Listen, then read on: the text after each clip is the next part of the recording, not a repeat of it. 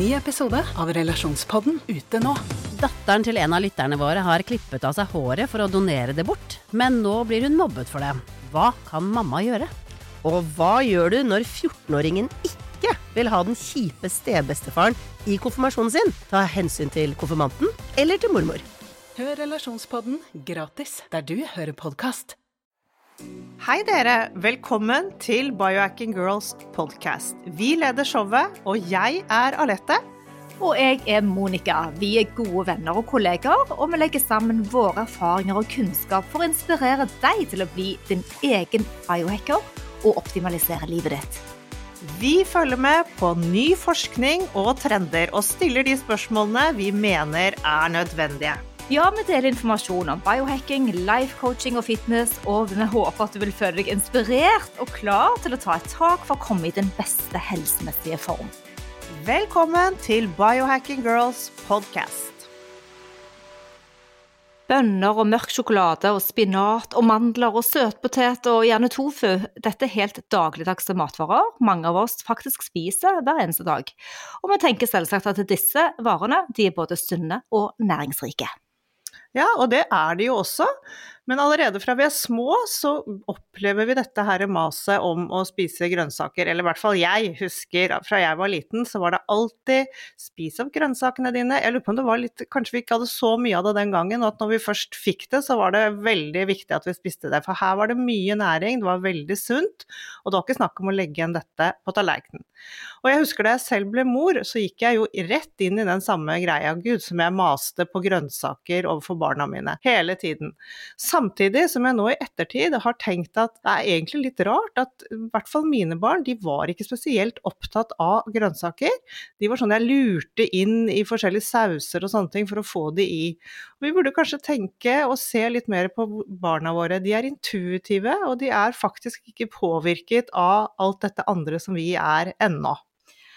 Ja, du kan si det, men jeg, samtidig så, så, gir jeg da grønnsaker til barna. Og jeg setter det alltid fram og gir et tilbud, og så får man velge. Men jeg har ikke lyst til å tvinge i, for det er vel kanskje det du refererer litt til òg, at det, man skal ikke hele tiden spise mot sin uvilje. Men jeg spiste heller ikke så veldig mye grønnsaker som barn selv. Spiste litt i sesong, tror jeg det var, og ja, i gryte, de grytene vi hadde, eller så var det bær og epler som er plukket. Jeg var òg vegetarianer i noen år. Det var fordi at jeg faktisk ikke orket å spise verken kjøtt eller uh, kylling.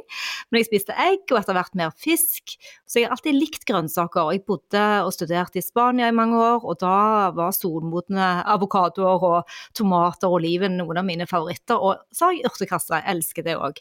Men jeg har faktisk aldri kastet meg på denne juice-kuren. Jeg liker best å spise og tygge min mat, kjenner jeg da. Hva med deg, Alette?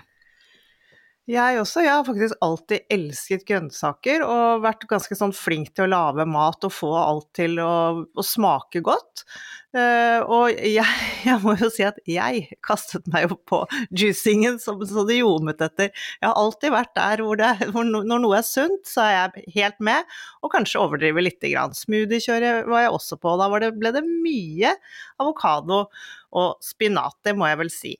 Men uh, jeg har jo også vært, som jeg har sagt hundre ganger før, veganer en periode, og da var jeg sånn ordentlig veganer, så det var masse grønnsaker i den perioden òg. Jeg syns det var skikkelig godt. Ja, og i dag, kjære lyttere, så skal det altså handle om oksylater. Dere, dere har kanskje allerede skjønt poenget. Og det vi snakker om nå, var lenge før Sally Norton kom på banen med sin bestselgende bok som heter Toxic Superfood.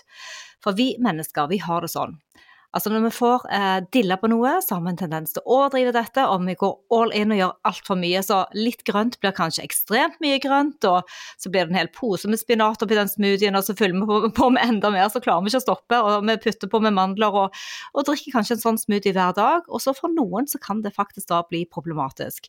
Man kjenner kanskje ikke plagen eller symptomene hvis det blir for mye av dette, før det har gått litt for lang tid og problemene kan bli ganske store. Vi skal snakke med Sally Norton, som selv har vært syk, og ja, baserer sine teorier ut ifra sin egen historie og reise.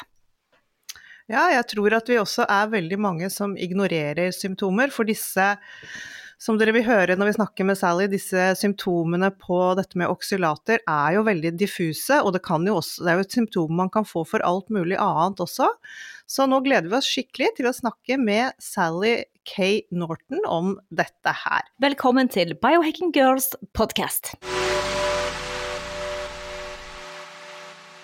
Welcome, Sally. This has been a long time coming. We're really excited to finally talk to you. We have read your book and yeah, it's interesting. And we have to you have to start by sharing your story because you were the child that actually enjoyed vegetables and have we have heard that. start from the beginning, please. Yes. Well, the beginning is sometimes more beginning than we realize. I think things can happen very early on. And uh, I was already being given antibiotics as a young child that led to uh, them taking out the the tonsils, which was often done back in the day if kids had a lot of strep throat or infections. So that was probably the early warning signs that things weren't right. And we see this in modern kids, it's the ear infections and all these little sick, sickly things over and over again. And that that can be a sign already that the immune system is struggling in a child. So it turns out that a child who loves her vegetables, like I did, you know, like silver beet tops and beet tops and and uh, spinach and these kinds of things. I like that kind of stuff.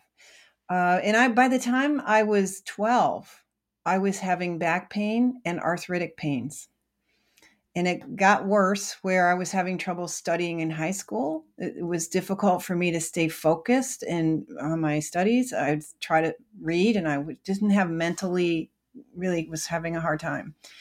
And then I, I got into college and my foot started bothering me and I was limping around for a year and a half and then became both feet. And I ended up leaving college. I went to a big university here in the US called Cornell University for nutrition, which is highly regarded as one of the top schools, one of the top four or five schools in nutrition. And I had to leave to have foot surgery on both feet. I was still on painkillers, still on crutches, still needing to use a bike to get into campus. I had, you know, needed a parking pass. People don't drive on American campuses. and I, and, especially at Cornell, like it takes a big deal to get allowed to drive on campus.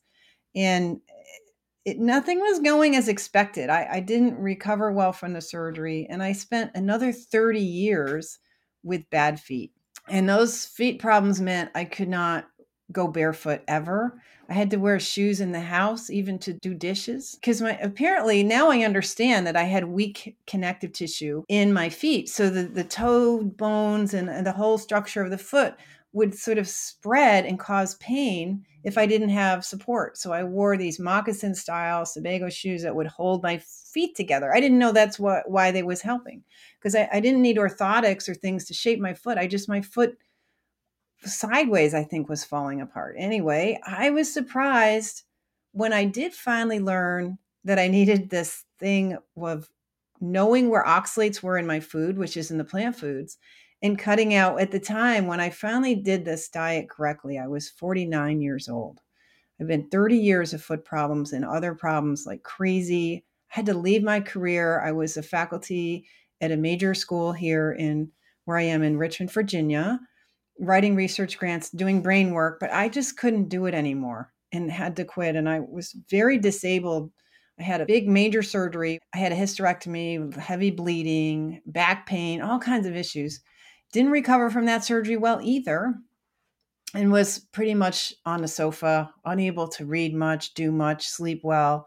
Turned out my brain was waking up 29 times every single hour which would explain why I was having trouble reading and functioning. Couldn't exercise and recover well. It was all, I was gone. And uh, so I did this diet out of desperation and started to see the connection between my arthritis and these high oxalate foods, which in my diet had become primarily sweet potatoes and Swiss chard. But I did this experiment trying to fix my sleep problem thinking it was bacterial overgrowth in the intestines. They call it SIBO here. Thinking I had this because I had all this belching and bloating and eh, obvious dysfunction and constipation. And I was just glad to be the SIBO. Even though I tested negative for it, I treated it with antibiotics. It had to be it because something is poisoning my brain. And the research says it's probably endotoxins coming from bacteria. So I was trying to treat that. So I tried this kiwi thing. so there's this one little study in New Zealand, of course, the growers of kiwi using kiwi for constipation. I thought, well, okay, if we can fix the constipation, the gut problem, then we can fix my sleep. Because we have an upside down idea in holistic healthcare that if you fix the gut, everything else will be fixed. Well, that's not true.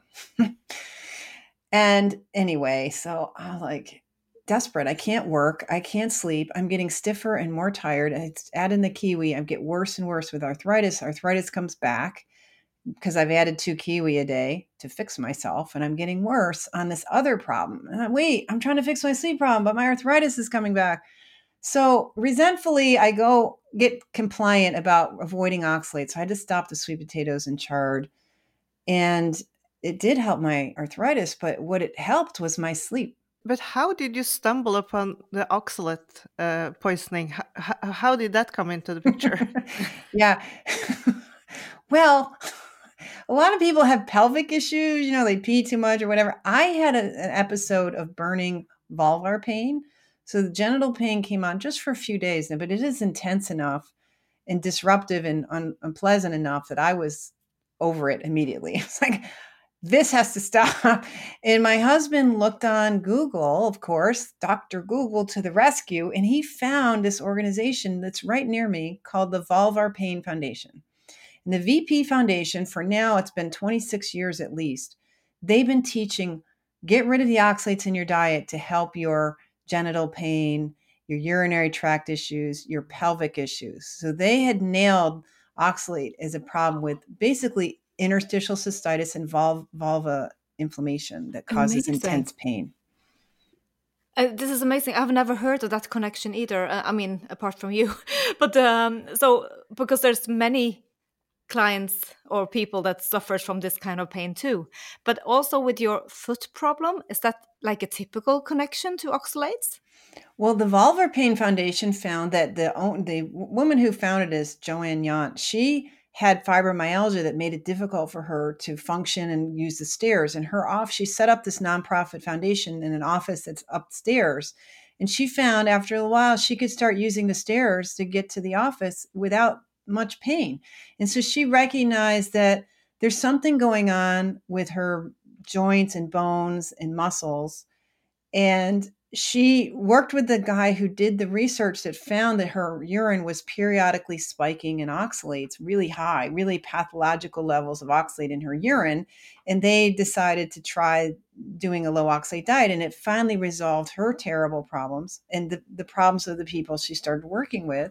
And they also started seeing these connective tissue problems go away autoimmune connective tissue problems and, and fibromyalgia and all kinds of pain syndromes that are related to fascia, tendons, and the other connective tissues.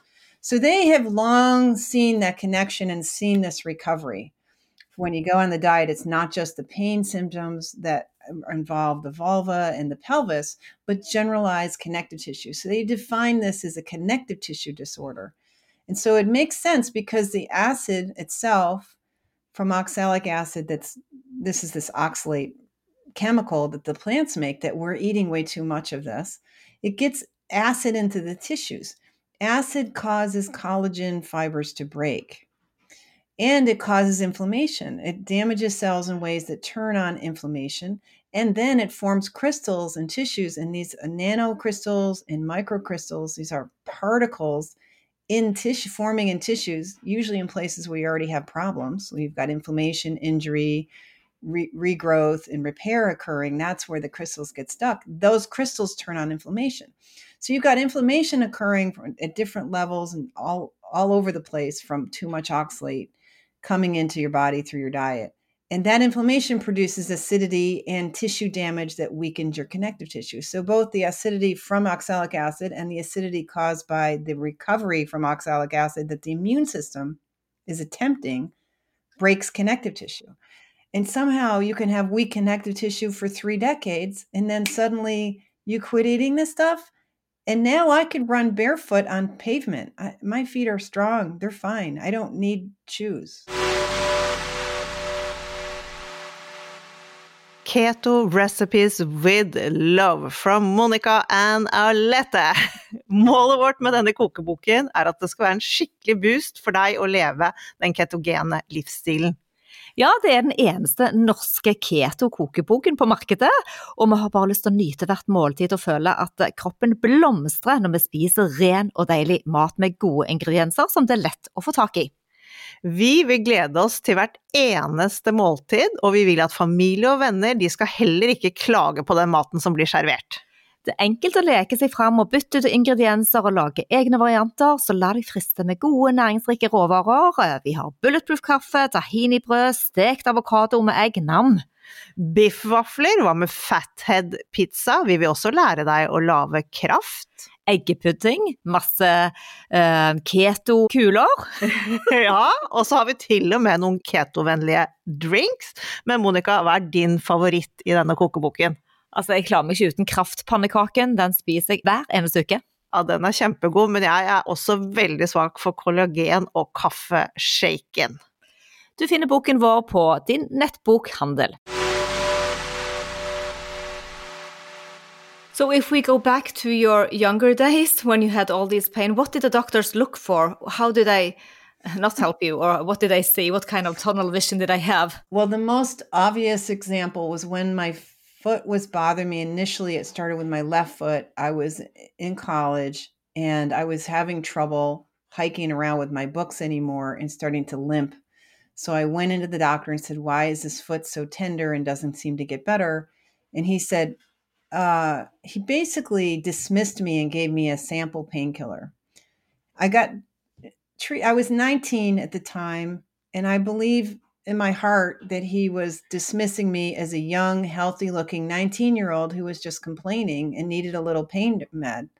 Like no real interest in X-raying the foot, um, not a deep exam of the foot tissues or anything, nothing that you could see. So I had a fractured bone in the foot but I had to self refer to an orthopedic doctor who was willing to do an x ray, who found this little fracture in this tiny little bone. Um, and even then, when I finally got a treatment, they didn't do the right thing for me and it didn't help. Can you please explain to us what these oxalates are? Yeah, so oxalates, we talk about this set of chemicals in the plural. It starts off as oxalic acid. It's a tiny little two carbon acid that naturally forms in nature. The plants need it for their biology and make a lot of it. And some plants make a lot more. And oxalic acid is what we call a chelator, it, it connects with minerals. It grabs the minerals, minerals grab it. They like each other a lot. Calcium really loves oxalate and vice versa. And so it connects and makes these salt molecules that then what we say precipitate out. So they're dissolved in solution in the watery tissues of your body or in the water of the fruit or whatever you're eating. And it, then it becomes crystals. And it starts off as these little nano crystals that are invisible and grow up. So it's oxalates are oxalic acid, calcium oxalate, and all the other mineral oxalates that can form. It can bond with magnesium, iron, any kind of mineral. So you can get any mineral oxalate and then it turns into crystals. So you've got the acid, the salts, and the crystals, and all these different forms that change around and move. And plants can convert it back and forth. The oxalic acid, when it becomes calcium oxalate in the body, it's uh, things like kidney stones. And it gets into your bones. Your bones are full of minerals, so it tends to get there. It tends to form in your in your bone marrow and in your glands. So we tend to have what basically little kidney stones in our thyroid gland, for example. Most everybody has got that now. You, you might as well explain what kidney stones are. yeah. yeah, so the kidneys and the whole urinary tract has to concentrate oxalic acid because we pee it out. That's how the body gets rid of it. You eat it, it gets into your bloodstream, it circulates in your body, and then you have to pee it out.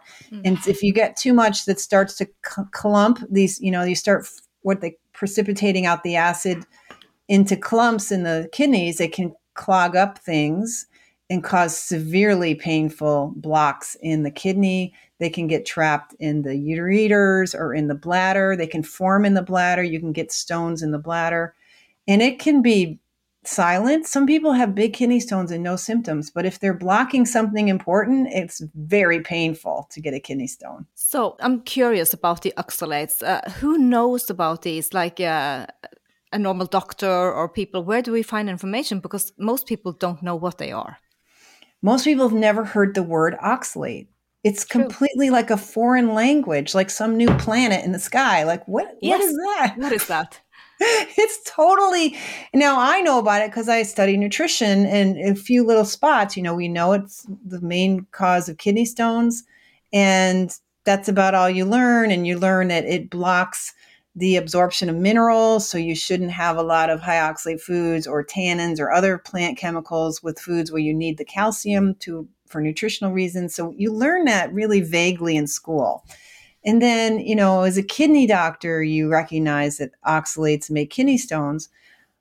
But the end, what's happened is a lot of the research about oxalates' effect in our body has been only done on kidney stones. That's where the funding has been in the US and elsewhere. And so maybe the 50 or 60 or even 70 years, medicine has only focused on the kidney stone. Hmm. And there's been doing it in a way where they don't understand how the body handles the oxalate. And because you can still get a kidney stone when you stop eating oxalate, mm-hmm. they think, well, it must not be the diet doing it. And they're being tricked because they don't realize how much of this ends up backing up and bioaccumulating in our tissues. And when we stop eating it, the body finally releases it out of your thyroid gland and your bones and your tendons. And so your the oxalate that ends up in your urine stays high or becomes periodically high when you stop eating it. And so that has confused them, and they're not smart enough to notice why. it's so sad. So you have now in the last 40 years or more, you have big pharma really funding all the medical conferences and funding a lot of big names in research. And the big names write these protocols. It tells doctors, well, if someone has had a kidney stone, how do you prevent the next kidney stone? That protocol eliminates the diet and eliminating the source of the problem, which is the spinach and the chard and the potatoes and the sweet potatoes. These nuts, uh, these high oxalate foods are the real source of oxalate in the body. Most all the oxalate in the body is coming from what you eat, but that got eliminated from medicine for lots of weird reasons that don't make any good sense. And some of them are because of the way profit works in a for profit. Here in the US, our healthcare industry is completely a for profit, but funded by insurance and funded by government, yet it's still for profit. So it's kind of messed up because you can always get paid because the government will jump in and pay you for your profit. And so that's been very tasty for the pharmaceutical industry to influence how medicine is practiced. But it's a lot of confusion about, uh, you know, histamine uh, intolerance and the oxalate poisoning, and that the oxalate poisoning is actually driving the histamine intolerance. can you explain this?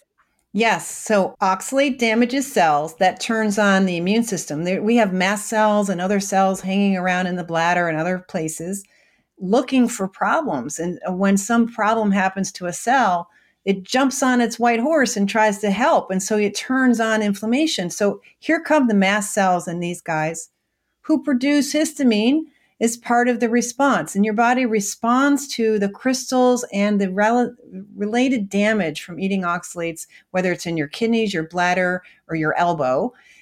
The body will respond with the same immune system that responds to infection or responds to mold or whatever. So it, it might look like a urinary tract infection or something else, and you end up with jumpy bladder. And that can be the mast cells in the bladder overreacting. You basically teach the tissues to be in a rash situation where there's this inflammation going on over and over again.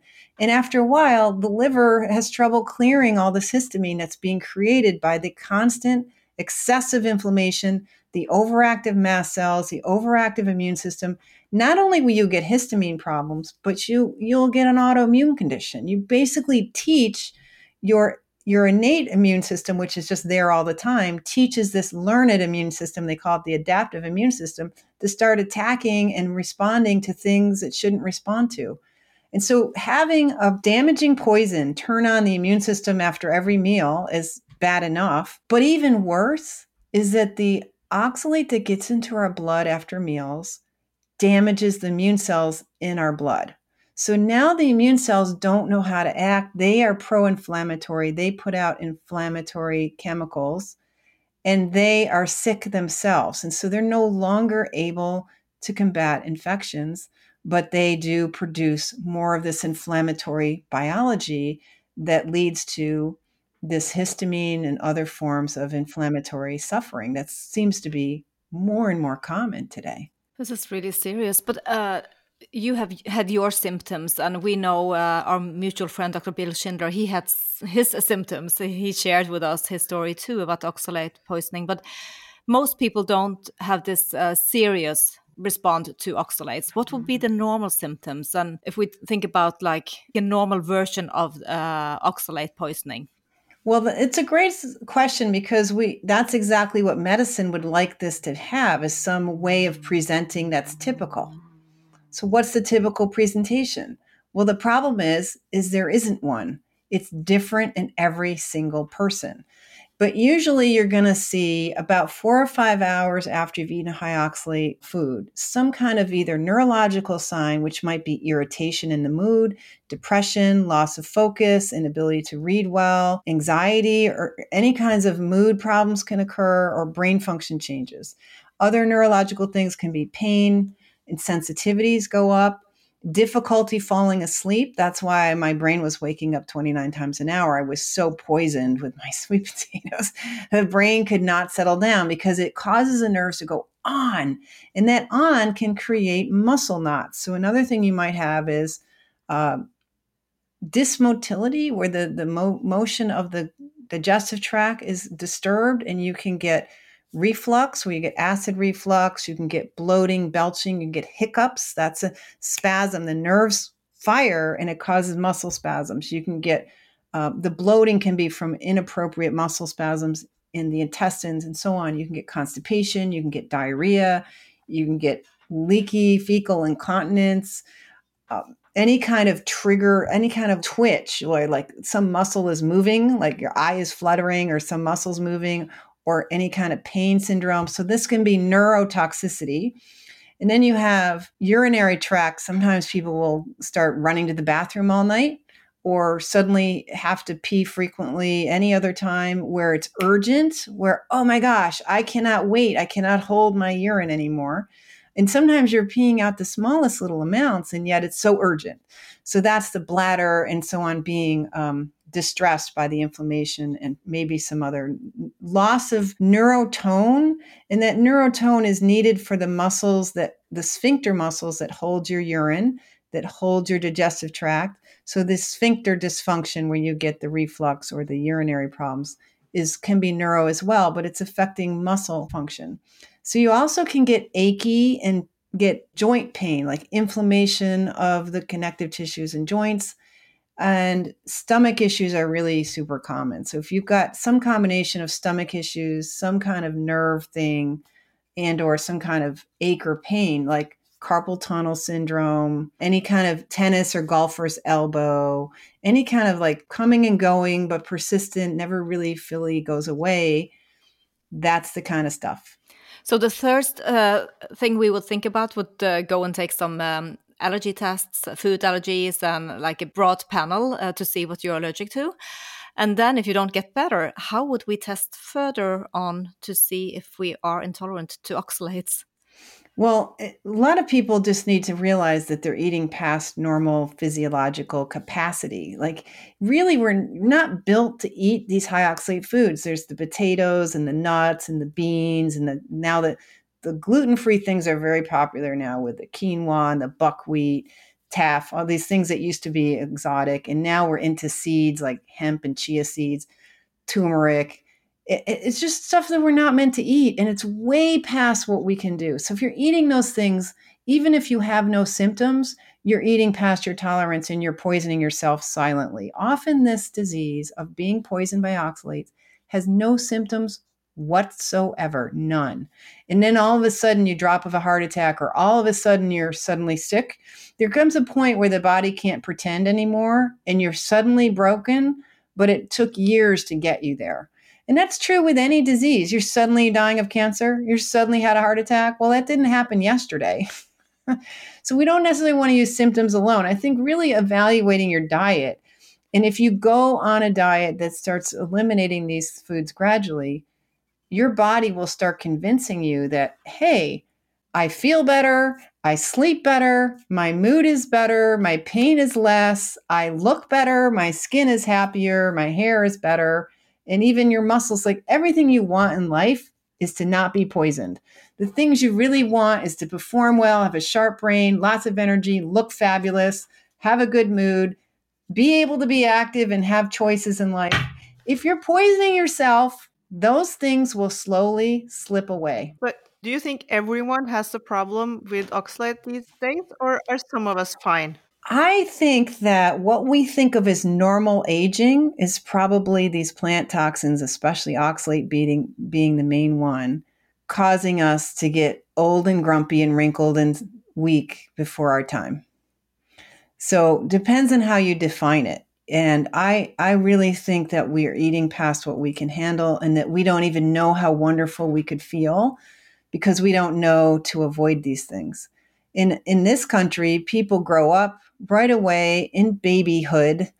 Sweet potatoes are given to infants. And then once you're old enough, you have peanut butter and nut butters and potatoes everywhere. And then you get to have chocolate. It's not unusual for a first birthday party for a kid to be given chocolate cake on their first birthday party. This is toxic and poisonous to children. It's children have even less capacity for excretion through the kidneys than adults do. So, just to have a broader picture of uh, what do you eat, uh, Sally? What kind of vegetables do you include in your diet at all, or seeds? Well, or? You know, you can include any amount of vegetables that you want. There's lots of low oxalate vegetables. All the lettuces are low, and most of the greens are low in oxalate. The here, you know, native food here is squashes. The, the winter squashes are very low, and the relative, the melons in that same family, the cucumbers, melons, and squashes are all the same plant family. That whole plant family is pretty low in oxalate. So those are all great choices. Then there's the cabbage family, which is many kinds of vegetables that they use here, like cauliflower, broccoli, arugula, mustard greens, collard greens. There's so many of these cabbage family vegetables, including some root vegetables like uh, swede, they call it rutabaga here, and turnips. Uh, so there's many many vegetables that are quite low in oxalate that you can use, but you want to eat according to your body's tolerance. And some people they've messed up their digestion, and the cabbage family vegetables are difficult for them, so they have to use them in small amounts or on occasion, not pile on high piles of these foods. Because even low oxalate vegetables if you have gut and digestive problems can be difficult to digest. So you want to customize your diet to your needs. And my system is struggling with all of those foods now. So i eat primarily a carnivore diet that's got a lot of fish i love the fish the omega-3s and so many good things in fish lots of pork I'm no longer able to eat meat. My immune system, my beef, my immune system does not tolerate beef anymore. So I'm listening to my body and customizing it. I use a lot of butter and some coconut and some papaya. There's several fruits that are fine. All the juices are pretty low in oxalate. So even a high oxalate food can be lower if juiced properly when it comes to the fruits. And I think with fruits, it's because the fruits tend to have crystals, more crystals than acid. And so when you take out the pulp and juice of fruit, it's a lo- lower in oxalate, but that's not true with vegetable juicing, which tends to make oxalate worse. So you want to be um, learning the high and low oxalate foods. You can do that more easily now. I have that information available for people. But you want to customize the diet for what's going to make you feel great. Can you just give us the worst offenders when it comes to oxalates? The worst offenders, the worst ones are chard, beet tops, and spinach. And then the nuts, especially almonds, cashews, and peanuts. And the seeds are terrible. Chia seed, terrible. Like these, and chocolate, unfortunately, chocolate. So think of this sweet potatoes are also terrible. Sweet potatoes, white potatoes, the baking, the big, what we call the Idaho style, the big baking potatoes that they use to make chips and fries. And various products from, though, are very high in oxalate and add up because we eat them a lot. You can change from, say, black beans and white beans and other high oxalate foods to peas because the peas are lower, green peas, chickpeas are lower. Um, but if you think about on the internet and on Instagram, you see people throwing almond butter, sweet potatoes, chocolate together and creating brownies, cookies, muffins, cakes. Like they're throwing all the worst high ingredients and they're feeding them to young children.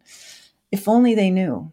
Okay, wow. Uh, but there is a solution, um, but it comes with some problems as well. Can you explain to us about the oxalate dumping when we are uh, on our way to release these oxalates from our body? And why we should go slowly. right. So there's this accumulation process that's occurred because we've been eating chocolate, peanuts, and potatoes forever. And now it's in your tissues. You stop eating it, and then it comes back out of the body, and it takes a long time. So, this deaccumulation process can happen in sharp waves sometimes. And that high wave where a lot's coming out at once was called dumping by a woman named Susan Owens, gave it that name. It's this this body's trying to manage this deaccumulation and recovery process. And if too many tissues at one time are too strongly releasing it, you are re-poisoning yourself by putting oxalic acid back into the bloodstream, which is very toxic. You don't want to become more toxic and more inflamed because your body's now releasing oxalate. So this is a little tricky because we don't know. This is where I wish we had a crystal ball and know who and w- under what conditions can we tolerate a very low oxalate diet very quickly. So, since we don't know who's going to start aggressively deaccumulating and making themselves sick, we ask people to go slowly. So, look at the spinach, get rid of that for a while. Look at the chard, get rid of that for a while. Get rid of the almonds and then this and that, and work your way down to a level. And I talk in my book about phase one, get down to a level that you should be able to tolerate in your diet that's still telling your body don't clear. And so this is really interesting. I put in a chapter 9 i think it is explaining about accumulation and this trigger maintenance idea where the body is managing it based on hearing what you're eating.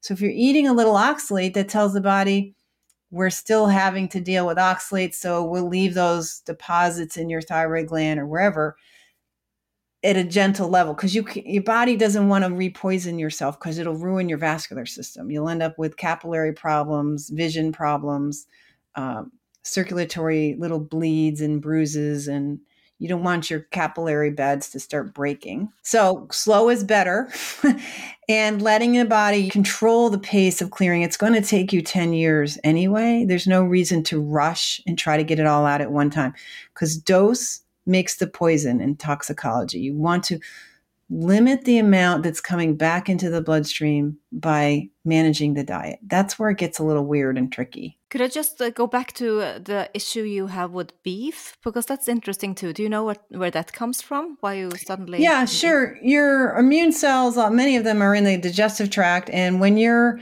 inflamed already, you have all this pro-inflammation chemistry going on that keeps the immune system in hyper alert and so releasing crystals is a pro-inflammatory state of getting rid of so you're in inflammation when you're clearing the oxalates. And if you're eating a lot of, of foods of certain same food over and over again while you're inflamed that starts teaching the immune system to respond in some of us. The, especially people like me both my parents had allergies.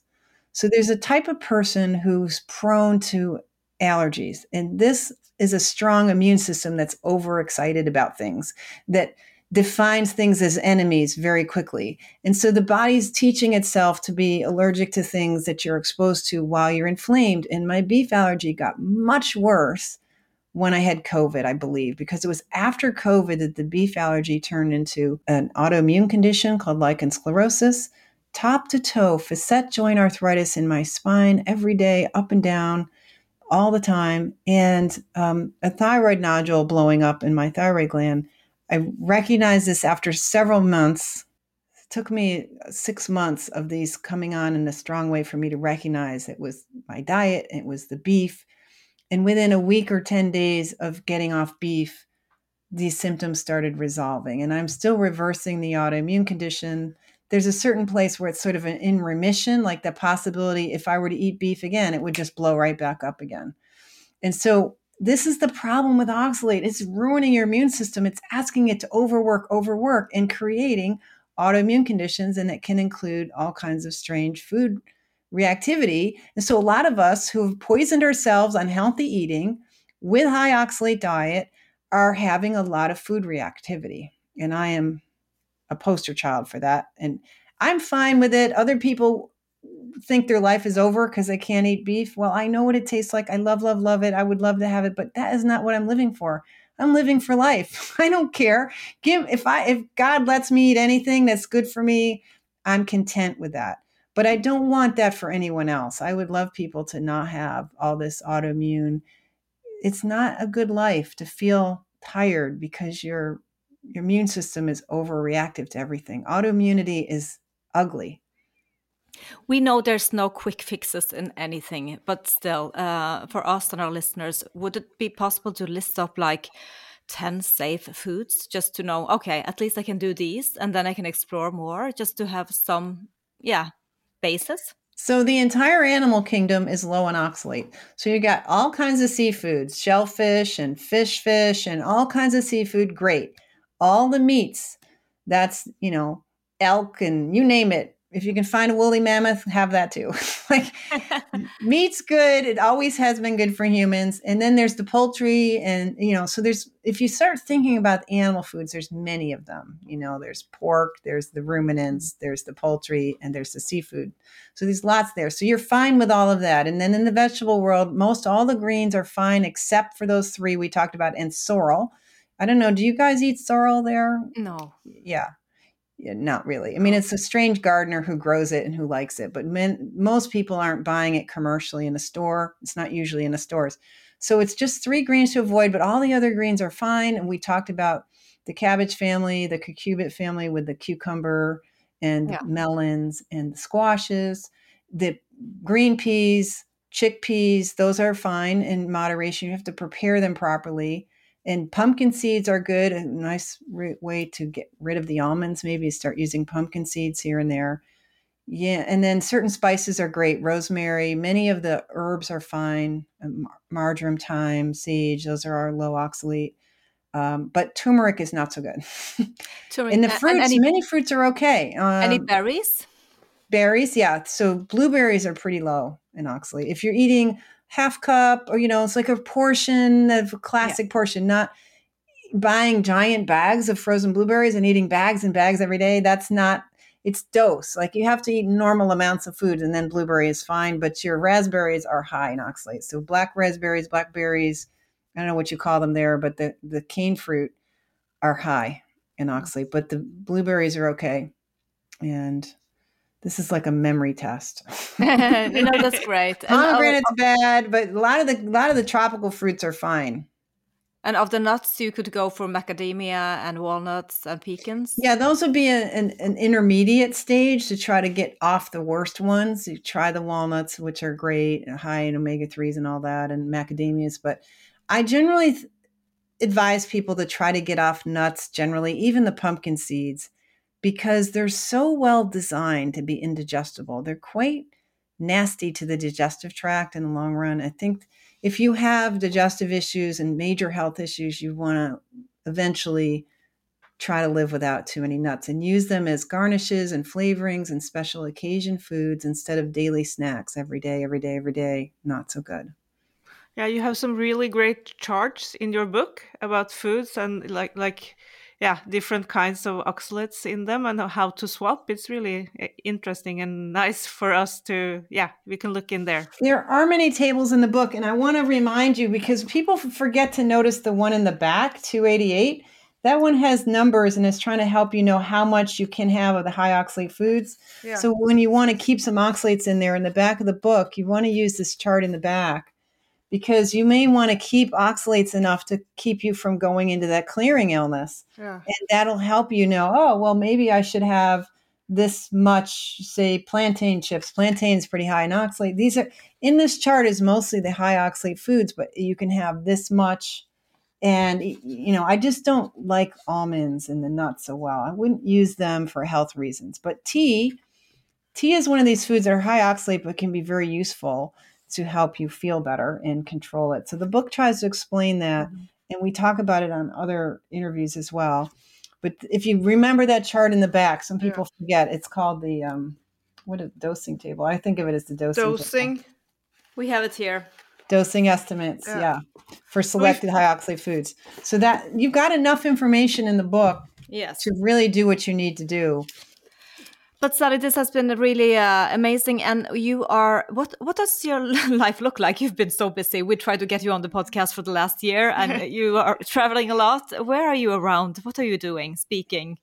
Yeah, so I just came back from KetoCon in Austin, and I believe that that talk will be available on the internet. I believe. Uh, I'll let you know if I'm wrong about that, but they certainly make it available for the attendees for sure. So there'll be a half hour recording of that talk coming up, and and I've kind of kept my schedule a little bit open now that the book is come out. There's been lots of random invitations from all types of media. So I try to stay a little bit available for that. So I am still doing lots of these interviews. I'm so happy we finally connected. I can't Yeah. believe how long we've struggled to get on the calendar. Yeah, because I I do keep us packed schedule, and that's um, has good and bad things. So it's, keep looking for more interviews and things online because I, I am putting out more of that. Um, I'm on Instagram. I don't spend a lot of time putting out posts there, but I, if you want to stay in touch with me, please sign up on my email list for my website. and I'll, I'll send out website is- periodic messages that way and keep you up to date on what's happening. We'll make a note of that too. Yeah. Wonderful. Uh, thank you so much for your time and for your knowledge.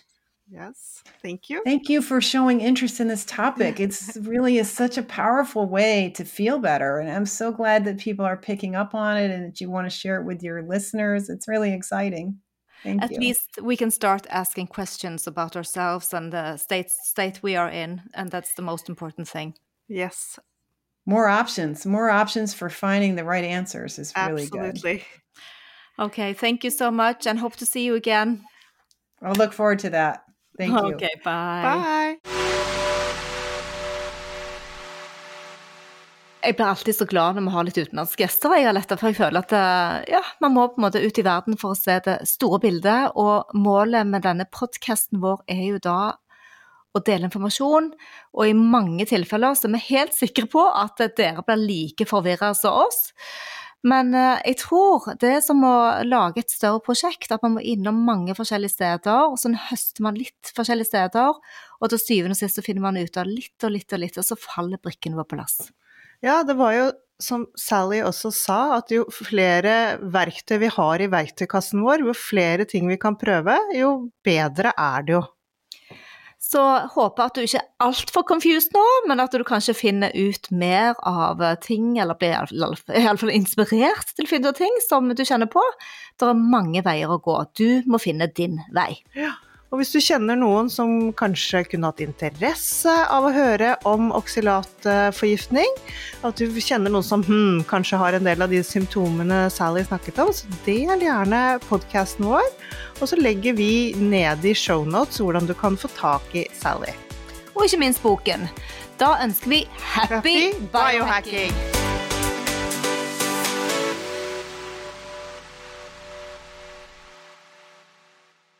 Vi minner om at dere må snakke med egen lege eller kostholdsveileder om dietter og andre spørsmål relatert til medisiner og supplementer. Informasjon vi deler kan ikke bli brukt til å diagnostisere, behandle, forebygge eller kurere noen sykdommer eller tilstander.